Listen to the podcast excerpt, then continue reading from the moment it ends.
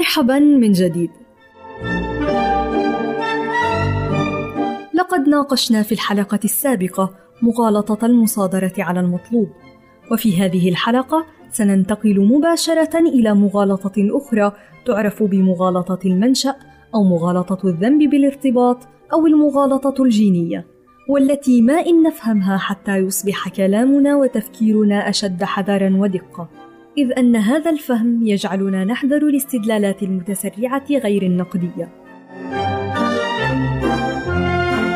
ومغالطة المنشأ هي مغالطة تتعلق بعدم الصلة بالموضوع يتم فيها رفض الآراء أو الحجج أو المعلومات أو رفض التحقق من صحتها بغض النظر عن المزايا الفعلية لها فقط لأن مصدرها ممقوت. بمعنى آخر، يتم تجاهل الإدعاء المطروح بناء على مصدره لا على ما جاء به الإدعاء نفسه.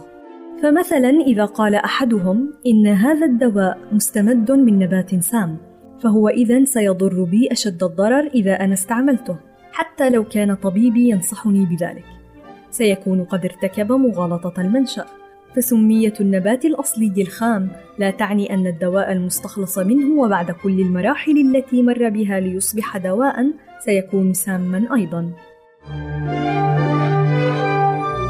وإذا قال شخص ما مثلا إن مستشار ألمانيا كان طفلا في الثالثة عندما كان هتلر في السلطة. وبالنظر إلى هذه الخلفية فإن خطة الإصلاح التي يقدمها ستكون برنامجا نازيا بالضرورة.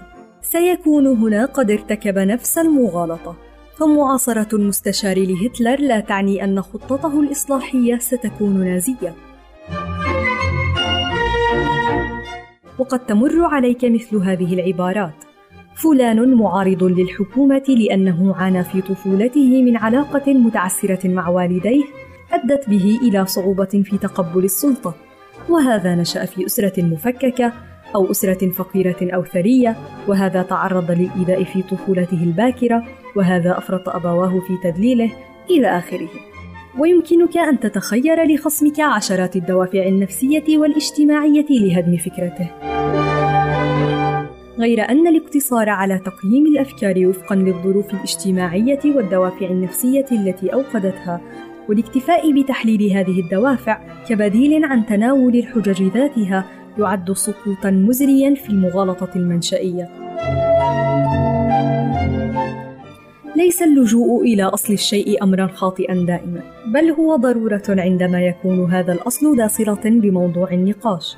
فمثلا إذا أراد أحدهم التمييز بين عراقة جامعة عن غيرها فإنه سيرجع في تقييمه إلى أعضائها والمؤسسين والهدف الذي نشأت من أجله، ولكنها يمكن أن تتغير بتغير الزمن وتصبح لها مبادئ جديدة تعتمد عليها غير تلك التي نشأت من أجلها. خلاصة القول: إن صحة الأفكار تأتي من صحة الدلائل التي تستند إليها، لا المصدر الذي أتت منه. خذ الحكمة ولا يضرك من أي وعاء خرجت.